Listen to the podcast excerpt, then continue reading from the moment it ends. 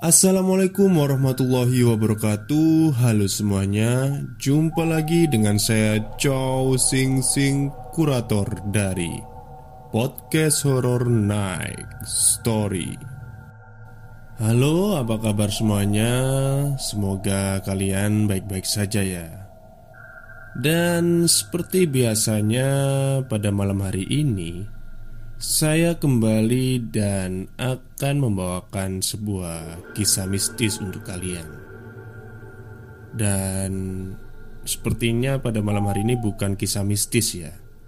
Lebih tepatnya kalau film itu cerita ini genrenya thriller, misteri. Tapi lumayan serem sih waktu saya baca naskahnya. Jadi cerita ini dikirim oleh Marfuah nama emailnya Dia bercerita tentang kejadian nyata Yang dialami Pak D-nya pada saat masih muda dulu Seperti apa kisahnya? Mari kita simak Halo Mr. Chow Sing Sing Sebelumnya saya minta maaf kalau ini bukan cerita hantu atau mistis. Jadi ini adalah kejadian nyata yang dialami Pak D saya waktu masih muda dulu. Jadi cerita ini diceritakan oleh saudara saya Saudara jauh dari ibu. Saya memanggilnya Pak D Meskipun bukan saudara kandung ibu saya. Jadi kisah ini terjadi di desa Pak D saya sekitar tahun 70-an Dan Pak D saya waktu itu berusia sekitar 19 tahunan lah. Ya masih muda. Namun maaf Nama desanya tidak bisa saya sebutkan. Akses menuju desa Pak D saya ini cukup sulit dari jalan raya besar kira-kira 10 km Apalagi waktu itu masih jarang sepeda motor dan angkutan umum. Dari jarak sejauh itu Kita akan melewati kebun tebu dan kebun pohon jati Yang menurut Pak Deku cukup seram bila dilewati malam hari. Jalan menuju desa Pak Deku juga belum diaspal waktu itu jadi masih banyak bebatuan dan lumpur. Singkat cerita di zaman itu Di desa Pak D sedang geger Karena hilangnya tiga orang gadis yang masih perawan. Ya iyalah gadis kan masih perawan. Sudah empat hari mereka mencari namun belum ditemukan. Bahkan warga juga mendatangkan polisi dari kota untuk dimintai bantuan. Namun hasilnya nihil. Polisi waktu itu menanyai warga, siapa yang terakhir kali melihat tiga orang gadis ini. Dan warga menunjuk Pak Parman yang biasanya berjualan pentol di desa Pak Adi saya. Pentol itu semacam cilok ya, mungkin kalau uh, orang Jawa Barat nggak ngerti pentol maaf pentol itu jadi cilok gitu oke kita lanjut Pak Parman ditunjuk warga karena beliaulah yang terakhir kali melihat tiga gadis itu sedang bermain di dekat sungai. Pak Parman pun dibawa ke kantor polisi untuk dimintai keterangan. Hari keenam.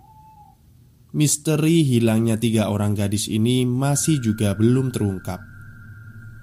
Orang tua dari tiga gadis itu juga sudah mendatangkan orang pintar.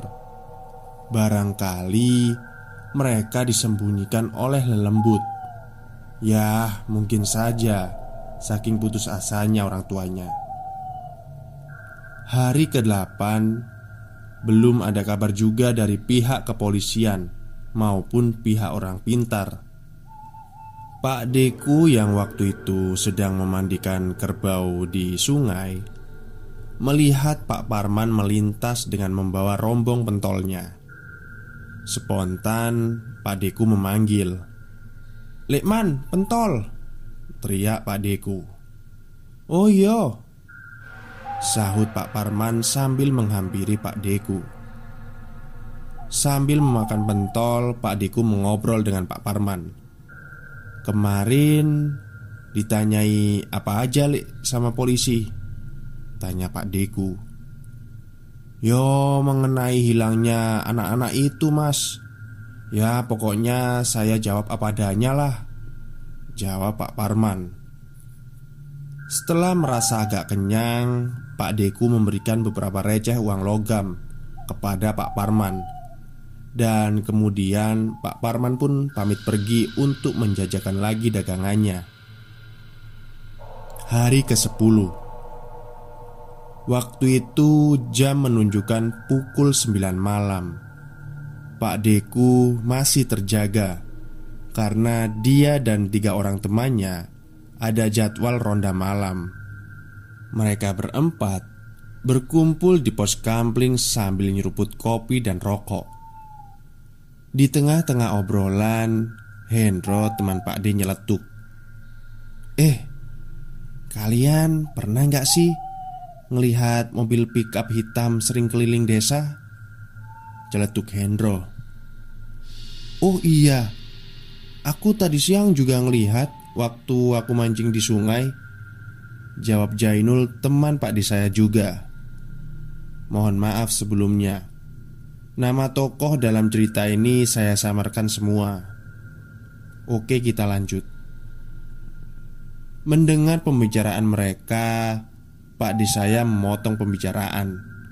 Ah, mungkin itu mobilnya Pak Lurah Atau Pak Andi juragan beras. Kan mereka punya mobil pickup juga. Sahut Pak de saya.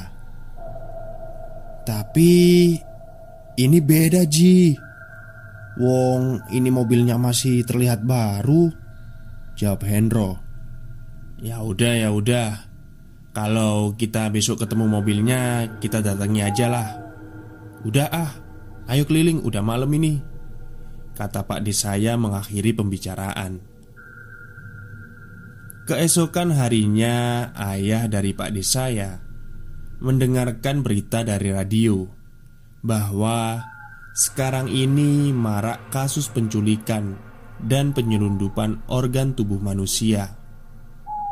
Wah, Jangan-jangan anak-anak yang hilang ini diculik Kata ayah Pak D saya.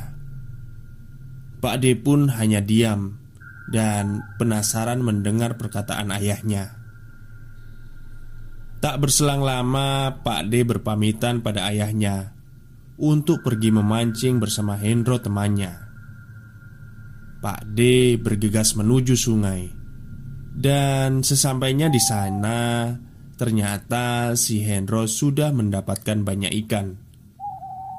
Wih, udah dapat banyak aja nih, kata Pak De saya. Iya nih, alhamdulillah. Eh, Ji, tadi sebelum kamu ke sini, mobil pickup yang kita ceritakan kemarin muncul. Dia berhenti pas di dekat dam situ, kata Hendro. Pak De saya langsung nyeletuk Loh, nggak kamu hampiri? Hendro teman Pak De saya langsung melengos Udah Ji Tapi begitu mau sampai dan mau ngetuk jendela mobilnya Eh mobilnya langsung pergi ngegas. Pak Deku pun berpikir Apa mungkin benar? Ada penculik dan pengambil organ tubuh manusia di desanya. Tepat di hari ke-14 Belasan polisi mendatangi desa Pak Deku. Mereka langsung menuju rumah Pak Lurah. Dan kebetulan ayah Pak Deku ini sedang berada di rumah Pak Lurah Dan kebetulan juga beliau adalah perangkat desa. Setelah ngobrol singkat Akhirnya mereka menuju ke rumah salah satu warga. Dan kalian tahu rumah siapa yang mereka tuju?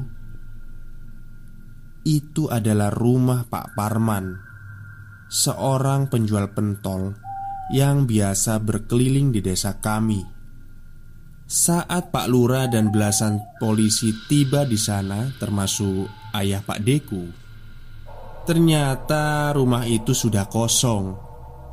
Tapi sepertinya ditinggalkan buru-buru oleh pemiliknya, yaitu Pak Parman. Di belakang rumah Pak Parman ditemukan dua pakaian wanita yang diduga itu adalah pakaian terakhir yang dipakai korban. Kondisi pakaian itu lusuh dan dipakaikan sebagai tirai penutup jendela belakang rumahnya yang terbuat dari bambu. Seharusnya ada tiga pakaian, tapi yang ditemukan hanya dua. Setelah kejadian itu, penduduk desa Pak D gempar dan mereka juga mengutuk perbuatan Pak Parman. Mungkin kalian bertanya, bagaimana bisa polisi tahu kalau Pak Parman adalah pelakunya? Sejak pertama kali Pak Parman dipanggil dan diinterogasi oleh polisi, polisi mencium ada kejanggalan di kesaksian Pak Parman. Namun, polisi belum menemukan bukti. Akhirnya mereka memata-matai Pak Parman. Ya, pakai mobil pickup itu. Oh, jadi mobil pickup itu polisi. Kemungkinan Pak Parman mengetahui hal tersebut dan segera melarikan diri polisi juga menduga kuat Pak Parman ini mengambil organ tubuh tiga gadis dan menjualnya. Setelah dua hari menggeledah rumah Pak Parman, polisi akhirnya menemukan tiga jasad gadis tersebut. Tiga gadis ini dibungkus dengan kain hitam dan dikubur tepat di bawah tempat tidur. Dan yang lebih mengejutkan lagi, organ tubuh mereka utuh, disimpan di sebuah guci. Guci tersebut juga ikut dikubur bersama mereka. Polisi pun menemukan keanehan dari tiga jasad gadis ini. Dua dari tiga jasad ini tidak memiliki daging, alias hanya tulang belulang sedangkan yang satunya masih utuh, tapi sudah membusuk. Sekian cerita dari saya, dan kata Pak De saya, keadaan ataupun keberadaan Pak Parman ini belum bisa ditemukan. Tapi banyak orang yang spekulasi bahwa Pak Parman ini sudah meninggal. Ya, tidak tahulah. Oke, mungkin itu saja yang bisa saya sampaikan, Mr. Chow Sing Sing. Semoga bisa menghibur. Baik, terima kasih kepada Non Marfu'a yang sudah mengirimkan pengalaman Pak D-nya ya. Jadi ini memang kisah kali ini tidak ada unsur mistis ataupun uh, ya hantu-hantuan nggak ada. Cuman kalau saya ada di posisi Pak D-nya itu bisa merasakan gitu keadaan desa waktu itu. Gimana ya kak? Wah, keren lah pokoknya, serem banget gitu.